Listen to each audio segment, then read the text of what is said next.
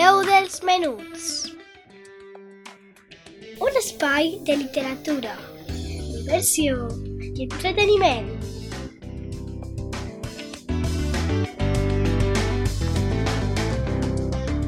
Amb Laia Esteve.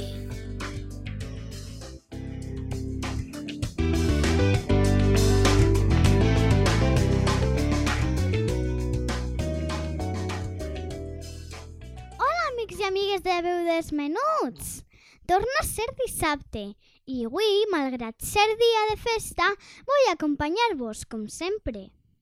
Avui ja sabeu que se celebra a tot arreu el Dia del Treballador, l'1 de maig. Què us sembla si coneixem els orígens d'aquesta data? Comencem! El Dia Internacional dels Treballadors, el primer dia de maig, és la jornada reivindicativa del moviment obrer mundial.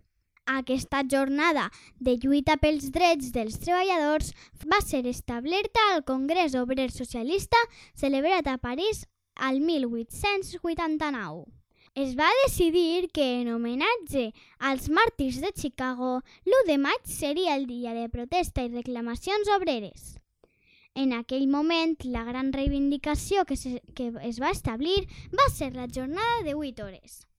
La vaga era l'instrument que es va decidir d'utilitzar cada 1 de maig per forçar la patronal i els estats liberals a acceptar la jornada de 8 hores.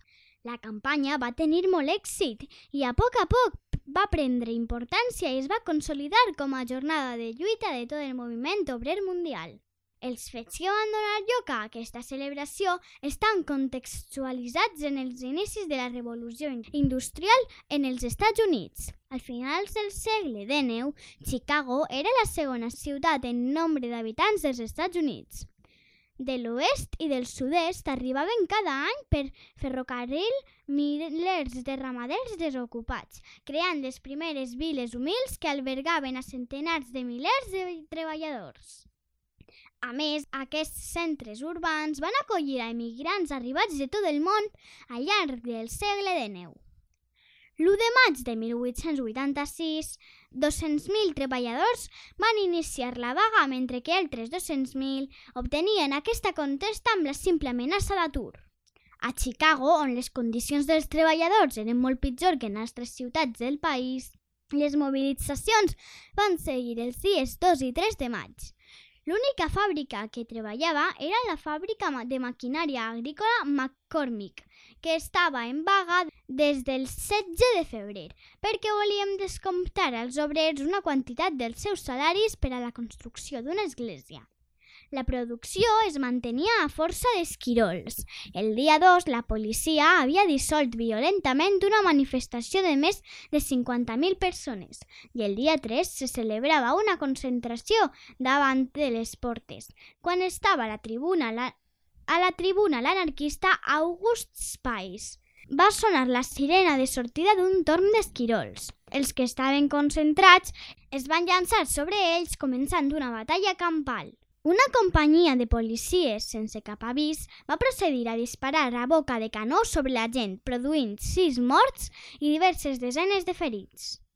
Al maig de 1886, diversos sectors patronals van accedir a, a atorgar la jornada de 8 hores a diversos centenars de milers d'obrers. Tot un èxit. L'1 de maig de 1890, l'esdeveniment es va celebrar per primera vegada en la majoria dels països amb diversos actes.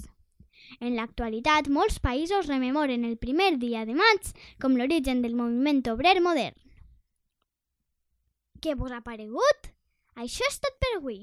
Ojalà arribara un moment en el que no haguem de celebrar aquest dia, perquè voldria dir moltes coses, no? Què penseu? Mentrestant, haurem de seguir reivindicant els drets de tothom. Moltes gràcies per acompanyar-me i escoltar-me una setmana més. Passeu un bon cap de setmana i, com sempre vos dic, cuideu-vos molt!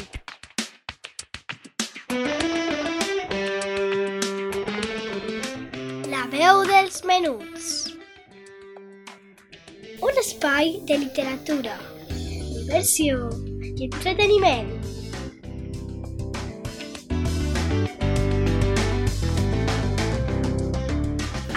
Laia Esteve.